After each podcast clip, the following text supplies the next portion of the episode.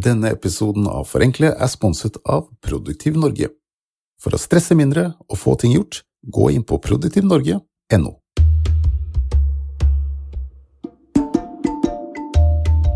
For noen år siden traff jeg en barndomsvenn på T-banen. Vi hadde ikke sett hverandre på ja, kanskje 15 år og hadde mye å snakke om. Men før vi rakk å komme i gang, oppdaget jeg at jeg hadde glemt lommeboka mi hjemme. Idet jeg hoppet av banen for å hente den, så ropte kameraten min Er du like vimsete enda? Jeg var ikke klar over at det var en uttalt sannhet at jeg var et vimsehue i barndommen. Men jeg har kanskje bare glemt det. Glemt det slik jeg ofte glemmer små og store ting i hverdagen. Og dette plager meg ganske mye, egentlig. Det er derfor jeg har laget denne miniserien, hvor jeg har snakket med eksperter om hvordan man får bedre hukommelse. Jeg har fått vite mye om hvordan minnet fungerer, og har lært å forenkle med husketeknikker fra en hukommelsesmester. Jeg har eksperimentert med kosttilskudd som skal hjelpe meg å huske bedre, og prøvd å booste hukommelsen med elektroder. Dagens episode handler om hvordan minnet vårt fungerer, og det er del én i mitt forsøk på å forenkle hukommelse. Jeg håper dere liker det. Dette er Forenkle. Podkasten hvor du kan følge meg, Ove Kenneth Nilsen, når jeg leter høyt og lavt etter de beste hverdagsforenklingene. Uten lommebok og månedskort var jeg nødt til å gå hjem og mens jeg gikk der, så tenkte jeg over hva kameraten min hadde sagt. Jeg var kanskje veldig glemsk og distré. Jeg mistet alltid paraplyer og hansker og glemte stadig vekk lommebok, mobil og nøkler og sånn. Og jeg slet med å huske navn og avtaler. På jobben, når jeg skulle skrive ut et dokument, så glemte jeg ofte at jeg holdt på å printe, noe som førte til at det lå en bunke av gjenglemte dokumenter inne på printrommet til enhver tid. Jeg var så distré at jeg kunne skifte radiokanal mens jeg kjørte bil, for å så fem minutter senere oppdage at jeg satt og hørte på samisk radio. Før kameraten min nevnte det, hadde jeg ikke tenkt så mye på det. Jeg glemmer ting, jeg ser den, men er jeg så mye verre enn alle andre? Det sies at uh, det finnes folk som har ekstremt god hukommelse, som måte, kan huske hvordan været var en hvilken som helst dag for 15 år siden. og sånn. Har du møtt en sånn, eller? Nei, Nei. de kommer jo ikke til meg. vet du. Ylva Østby jobber med folk som har hukommelsesvansker. Hun er psykolog og har skrevet boka Å dykke etter sjøhester, som handler om hukommelse. Jeg snakket med Ylva om hvorfor det kan være så vanskelig å huske når det virker så enkelt. Er det ikke bare å lagre ting på hjernehardisken og hente det frem igjen? Altså, Den harddisk-metaforen er jo veldig fristende å ty til. Eh, alt som på en måte er en kopi av det som har skjedd. Men hukommelsen er mye mye mer komplisert enn det. Men samtidig, siden vi snakker om forenkling, altså hukommelsen forenklet for oss. Det er det som er eh, hukommelsens natur. Det er det som gjør hukommelsen til noe menneskelig, og ikke en datamaskin. Hukommelsen rydder opp i opplevelsene våre og plukker ut det som på en måte virker mest logisk å ta vare på. Men det er jo ikke alltid det er det mest logiske for oss, da. Veldig mye av det vi opplever som glemsel, er ting som rett og slett ikke kommer inn i hukommelsen vår, fordi at eh, det ja, blir bare dyttet ut av arbeidsminnet vårt. Da blir det heller ikke tatt med videre til varig lagring da, i langtidshukommelsen. Arbeidsminnet er jo laget sånn at vi skal kunne holde informasjonen her og nå for å kunne bruke den til å tenke med. Eh, og så blir det borte igjen. Så det varer veldig kort, og det er plass til veldig lite av gangen. Arbeidsminne er det man før i tiden kalte korttidshukommelse. Psykolog Georg Miller gjorde en undersøkelse hvor han så at antallet ting vi klarer å holde i arbeidsminnet samtidig, er ca. sju. Dette er greit å ha i, vel, i, bakhodet, fordi når du fortsetter å stappe flere ting inn i et allerede fullt arbeidsminne, så plopp, så presses noe ut. Jeg mistenker at det er her det går galt for meg. Sånn som det å hilse på fremmede. Eh, det får jeg veldig ofte spørsmål om. Hvorfor er det sånn at det er så vanskelig å huske hva folk heter når man hilser på dem? Og det er jo rett og slett fordi at arbeidsminnet blir overbelasta. Vi er jo høflige mennesker. Det er jo ikke eh, fordi vi er uhøflige at vi glemmer navnene. Men uh, vi er interessert i den andre personen. Tenker liksom, hva skal vi snakke om etterpå. og Jeg er interessert i denne personen. Også litt sånn selvfølgelig litt selvopptatt. Sånn, eh, er jeg svett i håndflaten, og hvordan gikk dette her? Og da er det navnet forsvunnet ut uh, for lenge siden. Når du opplever noe, da, så får du inn mange sanseinntrykk. Du ser ting, og du hører ting, og lukter ting, og ting skjer i en sekvens og en eh, rekkefølge osv. Mm. Og så tar hippocampus tak i alle disse opplevelsene og sparer på noen av dem. Eh, lagrer dem rundt omkring i hjernen. Og så, når du skal huske det etterpå, så blir alle disse opplevelsene hentet opp igjen Men siden vi ikke har plass eller interesse av å spare på absolutt alt vi har opplevd, så er det bare disse fragmentene igjen som så settes sammen og spilles ut. Men hvis det er da såpass fragmentert, hvorfor oppleves det ikke sånn? Det er jo utrolig spennende, og det er det, er det som er kjernen av hukommelse. Det er at det er en konstruktiv prosess. Mm. Og akkurat hvordan det går til, det er litt vanskelig å forstå, egentlig. En annen ting Ylva fortalte meg, er at når vi henter fram et minne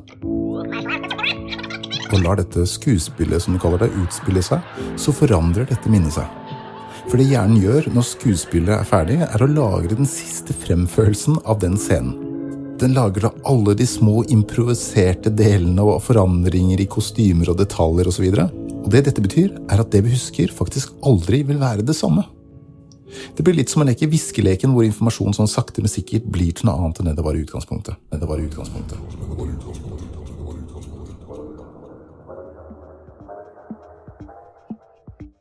Denne episoden av Forenkle er sponset av Produktiv Norge, som er stedet for å lære seg produktivitetssystemet GTD, som jeg selv bruker for å få oversikt og huske på ting. Det GTD har lært meg, er at hvis du skriver ting ut av hodet og har et system som holder orden på alt du skal huske på, så kan du lettere fokusere på de viktige tingene.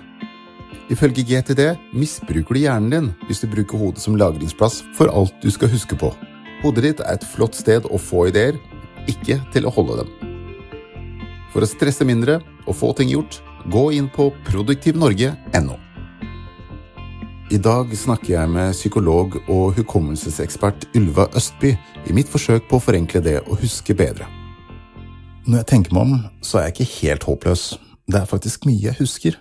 I jobben min som filmklipper må jeg pugge timevis av filmopptak for hver film jeg klipper. Noen ganger et par timer, andre ganger opptil 20–30 timer. Jeg lærer meg både plassering og innhold, og dette er en jobb jeg gjør veldig bra. Og av en eller annen grunn så husker jeg sangtekster og melodier godt. Jeg tipper for eksempel jeg kan nærmere 100 capoeira-sanger, selv om de er på portugisisk, som er språk jeg ikke kan spesielt godt engang. Så hvorfor skal jeg da glemme å ta med meg lommeboka eller hvor jeg la nøklene mine?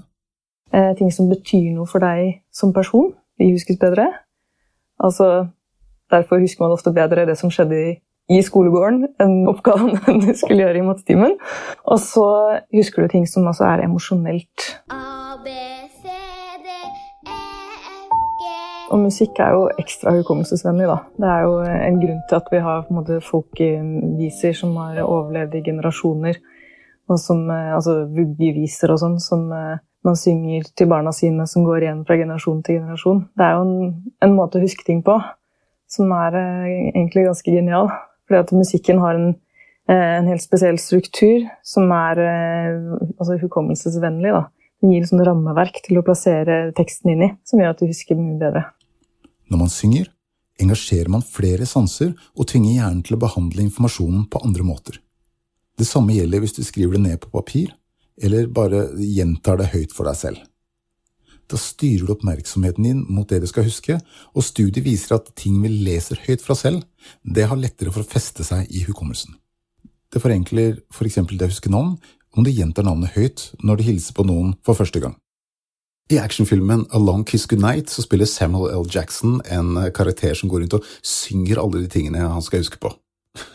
Kanskje jeg skulle prøve meg på det? I must not forget my keys no, no. But I remember to buy the cheese.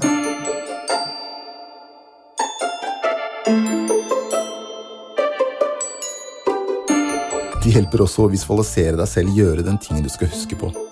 Da gir du minnet en kontekst og noen triggere som gjør det lettere å komme på det du skal huske.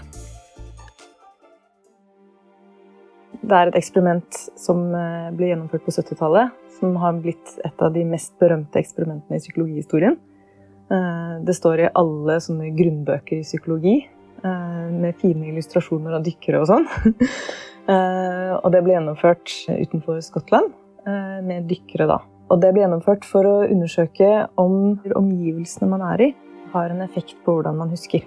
Og det de da gjorde, var at de sendte en gruppe dykkere ned i sjøen og lærte dem å liste med ord. Og så skulle de huske disse ordene. Men det var forskjellige betingelser som de sammenlignet. Og Den ene betingelsen var at de lærte ordene oppe på land, og så skulle de huske dem oppe på land. Og så var det en annen betingelse hvor de da skulle lære ordene oppe på land, men gjengi dem under vann. Og så var det en betingelse hvor de skulle lære dem under vann og gjengi dem oppe på land. Og så var det den uh, viktigste betingelsen. Uh, lære ordene under vann og huske dem under vann.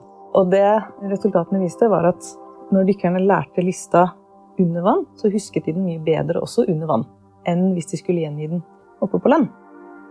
De husket den like godt eh, under vann når de hadde lært den under vann, som de husket den oppe på land når de hadde lært den oppe på land. Så det å gjengi ordene når man var i de samme omgivelsene som når man lærte dem, det hadde en effekt på hukommelsen. Eh, og det ønsket vi å se om vi klarte å, uh, å kopiere, rett og slett, de resultatene. Så jeg og Hilde var så heldige at uh, venninna til Hilde, som heter Katarina Cataneo, hun er hobbydykker.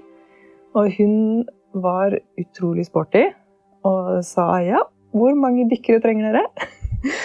og så rekrutterte hun ti eh, av sine dykkervenner som stilte opp. Og som eh, dykket ned og gjorde dette eksperimentet. Og vi fikk de samme resultatene, faktisk. Så det syns jeg var litt gøy, da. Mm. Altså Når du leter etter nøklene dine, da, som du tydeligvis stadig vekk gjør, mm. så er det jo en sånn gammel eh, sånn kjerringråd, da, eller kanskje mer sånn detektivråd, eh, at man skal på en måte eh, retrace your steps. At du skal se for deg hva du gjorde, og hvor du var hen, og sånne ting. Mm. Og det kan jo hjelpe en til å på en måte gjenopprette den konteksten eh, sånn mentalt, da. Denne effekten gjelder jo egentlig enda mer generelt.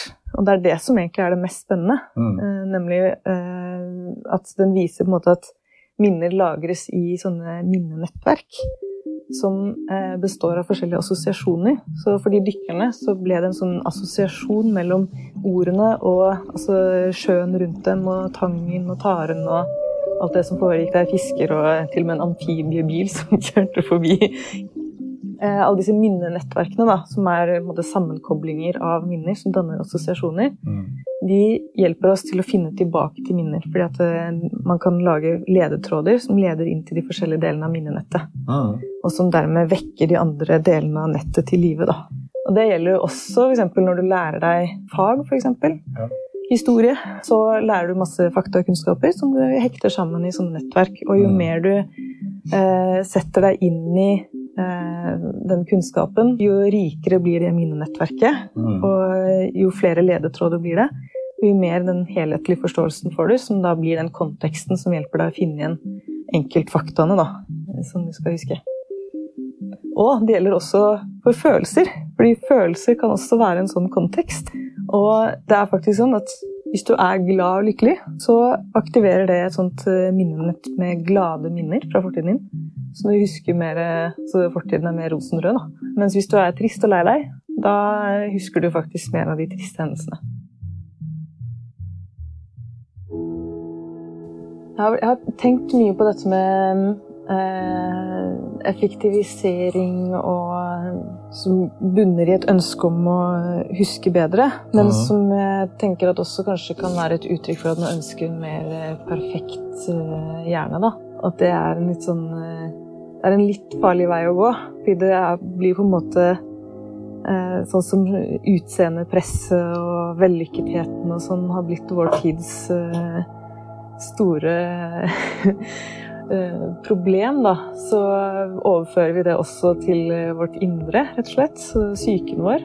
Det vil jeg ikke ha av, helst. Men på den annen side så syns jeg jo det er veldig viktig at man bruker hukommelsen sin på en best mulig måte. Og slipper å f.eks. Uh, kaste bort time på time med meningsløs pugging når man kunne ha gjort det på en mye mer uh, enklere måte, da. En mm. forenkling. Mm. Men jeg syns jo også at man skal ha respekt for at eh, hukommelsen er sånn som den er. Og eh, den hjelper oss, og noen ganger så motarbeider den oss. Men eh, vi skal ikke på en måte kreve at den skal være perfekt, da. Datteren min fortalte meg en vits om hukommelse her om dagen.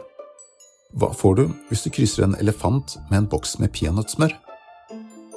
Enten så får du en boks med peanøttsmør som aldri glemmer, Eller så får du en elefant som setter seg fast i ganen.